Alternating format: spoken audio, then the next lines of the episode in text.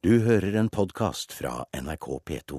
Og I dag kommer resultatene fra den internasjonale skoleundersøkelsen PISA. Det blir det mer om i Politisk kvarter. Dessuten har myndighetene vært for strenge når det søkes om å få bygge nye kraftmaster i norsk natur. Én sier ja, og én sier nei hos deg, programleder Bjørn Myklebust. Og den som sier ja, er statsråd. Da blir det forandring og bråk.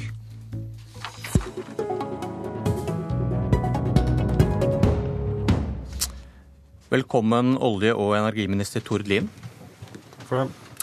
Kan du gi et godt eksempel på at det har gått galt når behovet for kraftbygging møter hensynet til naturen? Ja, altså Den uh, saka som har uh, skapt uh, mest støy og har tatt unødvendig lang tid, det er egentlig to. Det finner vi begge på, på Vestlandet. Det ene er Sima-Samnanger, og det andre uh, som skal forsyne Bergen. Og det andre er jo Ørskog-Fardal, som i hovedsak skal forsyne Midt-Norge.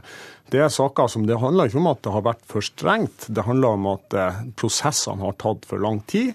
Og vi har god leveringssikkerhet i det norske nettet. Samtidig så er mye nett fra 50- og 60-tallet.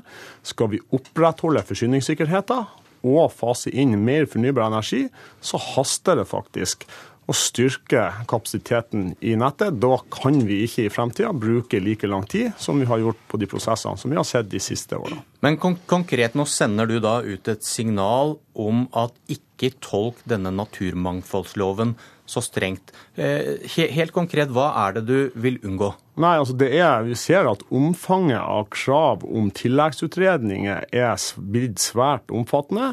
Og jeg mener jo at vi må se på den praksisen, om vi faktisk trenger å ha så mange tilleggsutredninger som vi har i dag.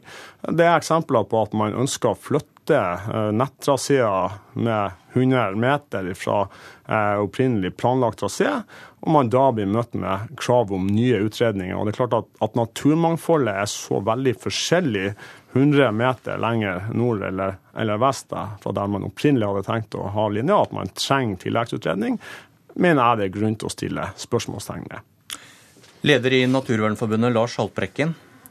Hva vil det du hører nå føre til? Det vi frykter, er at vi nå ser en systematisk svekkelse av eh, naturvernet i Norge fra regjeringa.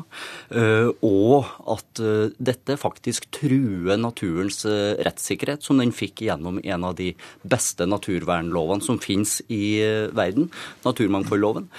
Og Tord Lien klarer jo ikke å nevne et, eget, et eneste eksempel på ei kraftlinje som har blitt stoppa pga. naturmangfoldloven. Begge disse kraftlinjene han snakker om, eh, er jo nå enten ferdigbygd eller under bygging. Ei av dem eh, brøyter seg også vei gjennom et naturreservat. Eh, og det er jo den strengeste formen for vern vi har, og det viser vel heller at naturmangfoldloven faktisk praktiseres for slapt og ikke for strengt, sånn som Tord Lien sier. Nå kommer ikke disse linjene først og fremst pga. stor entusiastisk oppslutning fra Naturvernforbundet. Tvert imot så har jo dere gjort hva dere kan for å legge hindringer i veien for at disse eh, linjene skal kunne bygges, som bl.a. sikrer Bergen og Trondheim den leveringssikkerheten vi må sørge for at de byene har. Og det har tatt unødvendig lang tid. Og så er det jo sånn at loven, Lars, det vet du veldig godt, den var jeg med i Stortinget og behandla.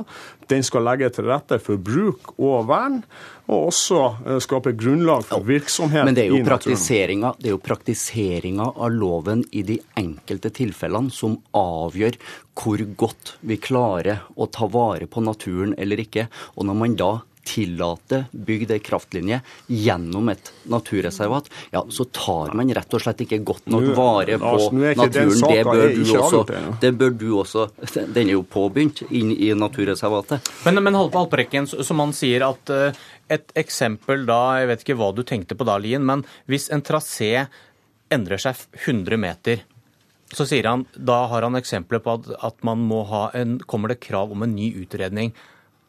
Er det Ja, eksempel på en for streng Da vil jeg gjerne se de eksemplene. Og så bør, Ja, man, ta- da, så bør la- man da, så bør man da uh, legge uh, til rette for at man får grundigere prosesser i forkant, hvor man får bedre kartlegging av naturverdiene i forkant. Og det har jo ikke skjedd, verken i den Sima-Samnanger-saken eller i uh, saken på Nordvestlandet. Der hadde man ikke grundige, gode utredninger. Og det er jo det naturmangfoldloven skal sikre oss. Den skal sikre oss at vi vet hvilke naturverdier vi har, sånn at vi ikke bygger ned de umistelige naturverdiene som finnes i dette Nei, landet. jeg er helt, nå er jeg helt enig med Lars Haltbrekken. Den Sima-sammenhengen var ikke nødvendigvis veldig bra håndtert eh, fra myndighetenes side.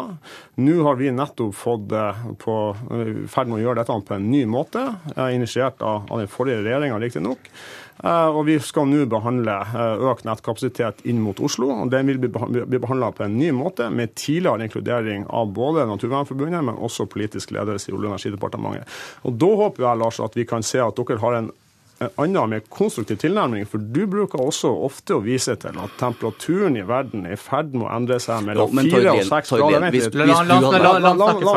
Du sier ofte at temperaturen i verden er i ferd med å endre seg mellom fire og seks grader.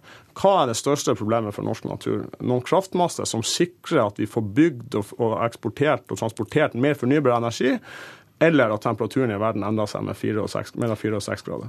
Tord Lien, hvis du hadde vært så bekymra for klimaendringene som du påstår at du er, så hadde du gjort noe med, som den, noe med det som er den store utslippskilden i Norge, nemlig oljeindustrien. Da hadde du begynt å redusere oljeutvinningstempo i stedet for det du Men sier, ta, ta, med at vi ta skal kjøre på for, dette. Ta poenget, men- fordi det er et paradoks vi ofte kommer tilbake til. Nei, at vi, vi vi sier- trenger kraftlinjer og luftbårne kraftlinjer for å, å frakte fornybar Og da må kraft. vi sørge for at vi har den nødvendige kunnskapen, sånn at vi ikke ofrer umistelige naturverdier. Og det er jo det Tord Lien nå foreslår å svekke. Det skal bli mindre krav til vurdering av hvilke naturverdier som befinner seg her, sånn at vi kan unngå å legge kraftlinjene i de mest sårbare naturområdene. Og Når det gjelder kraftlinjeplanene eh, inn mot Oslo, eh, så er jo det faktisk en sak hvor man foreslår å fjerne eh, en del kraftlinjer, hvor man foreslår å tilbakeføre en del natur. Så det er jo en helt annen sak. Lien, Lien, dette er vel snakk om mange små og store avgjørelser i kommuner og fylker basert på skjønn. Hvis du vil ha endring, hvorfor endrer du ikke loven? Nei, for loven, loven har et godt prinsipp. Når man har forvaltninga valgt å legge seg i det, den strengeste delen av det intervallet Stortinget har gitt myndighetene mulighet til å gjøre, og da sier jeg at da må vi flytte det i et, det andre delen av intervallet som Stortinget i loven har åpna for. Og Det handler bl.a. om mindre krav om, om tilleggsutredninger, som jeg nå signaliserer at det vil bli. Og da står vi i fare for å bygge ned viktige naturverdier som vi ikke visste at var der, pga. at man svekker kravene til utredninga som statsråden nå foreslår. Vi står først og fremst i fare for å produsere mer fornybar energi, som vi også kan eksportere til Europa, og dermed gjøre europeerne mindre avhengig av kullkraft. Det Men du kan ikke, gjøre, du kan ikke gjøre det gjennom å valse over viktige naturverdier og ikke stille krav om skikkelige utredninger som gjør at man kan finne de beste løsningene for dette. Det er ingen som snakker om å valse over noe som helst. Det har vært et bærende prinsipp i norsk miljøforvaltning at de forskjellige sektorene tar ansvar for også naturverdiene. når man, til, når man tillater da kraftlinja gjennom naturreservat, så er det jo nettopp det man gjør. Lars Haltbrekken, takk for at du kom. Takk også til deg, Tord Lien.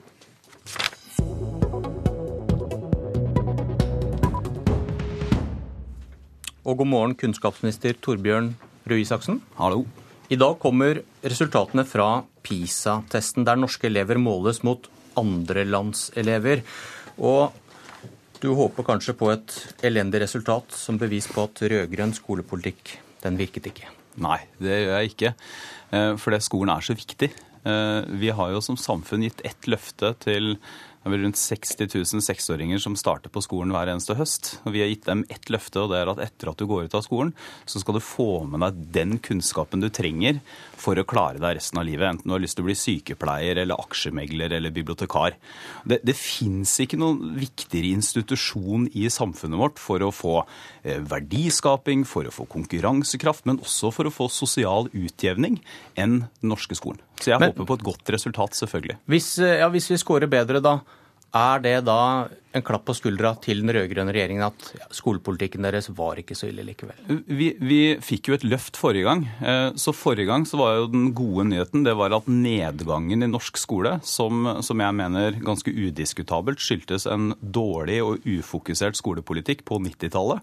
Bl.a. hvor vi hadde en situasjon hvor med Reform 97, en av de store skolereformene som Arbeiderpartiet sto i spissen for, så fikk man masse unge elever inn i skolen som ikke begynte å lære å lese og skrive før i andre, tredje klasse, den type ting, så klarte man å stoppe nedgangen. Jeg mener jo at det at man hadde tydelig og godt kunnskapsløft, som Høyre sto i spissen for da vi satt i regjering, var viktig for det.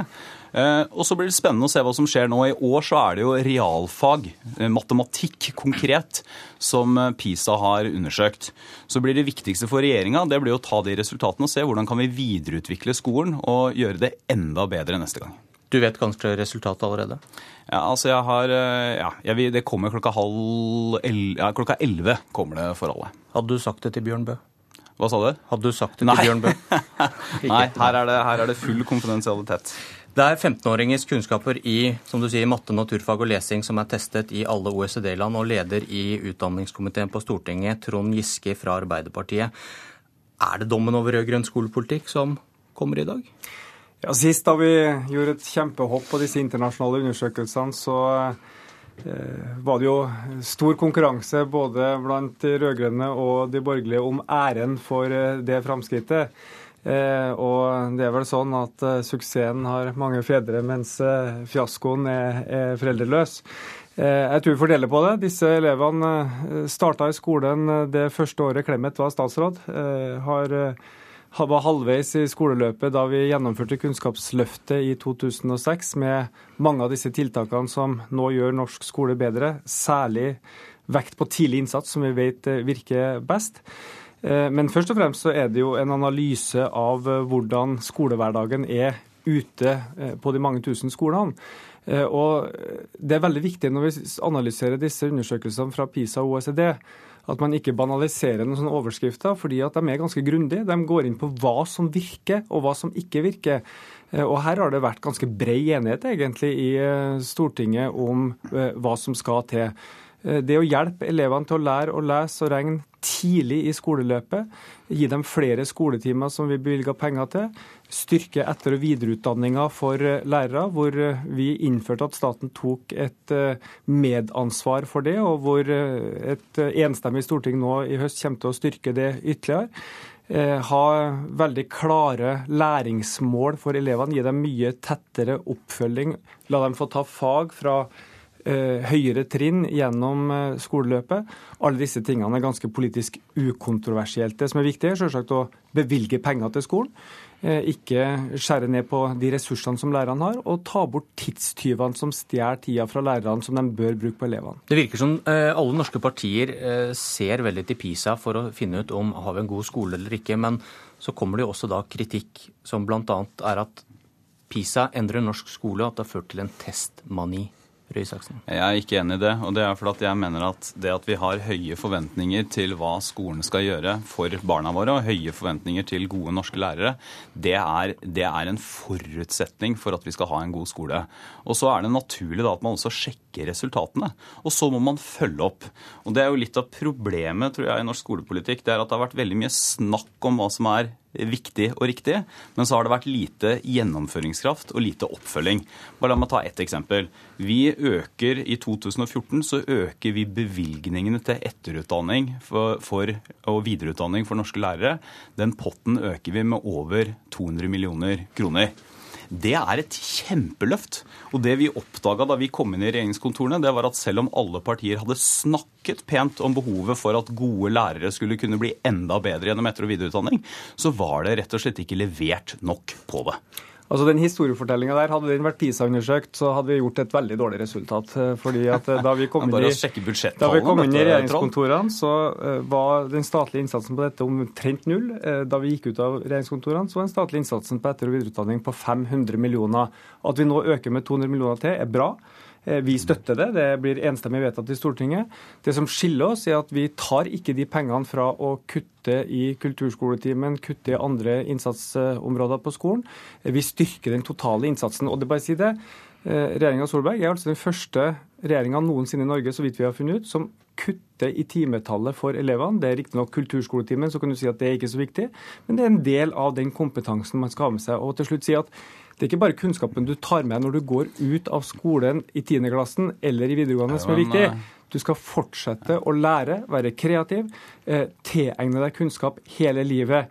Eh, så jo, den første, den eh, første framstillinga di var litt eh, gæren, fordi at det er, det er kompetansen til å kunne å lære resten av livet, 40 år i arbeidslivet, som er, er viktig når du går ut av skolen. Hvis du, hvis du tar budsjettet som dere la fram, og ser på etter- og videreutdanning av lærere der, det dere la fram med forslag, sammenlignet med vårt. Hvis dere skulle da holde på deres opprinnelige standpunkt, så måtte dere kutta over 200 millioner kroner til etter- og videreutdanning av lærere. Da, det er et faktum. Det kan alle som vil gå inn og lese budsjettene, se på. Og For meg tyder det på at det er lett å snakke om det. Men det er vanskeligere å gjøre noe med det i praksis. Og det er jo det denne regjeringa gjør. Vi tar skoleresultatene på alvor. Eh, og vi følger opp i praksis, bl.a. da gjennom etter- og videreutdanning av lærere, som, som, OECD sier er en av de viktigste faktorene for å få opp resultatene i skolen. Og Det er ikke for at norske lærere er dårlige, men det er for at gode lærere kan bli enda bedre. Men da må vi altså satse Giske, på det og prioritere det. Er, er, du mer nervøs enn en eh, Røe Isaksen, tror du, i, i dag? Nei, jeg gleder meg til, til PISA-undersøkelsen rett og slett fordi at eh, en kunnskapsbasert utdanningspolitikk har mye å lære av PISA-undersøkelsen. Vi ser på resultatene klokka 11. Takk for debatten. Politisk kvarter er slutt. Jeg heter Bjørn Myklebust. Du har hørt en podkast fra NRK P2.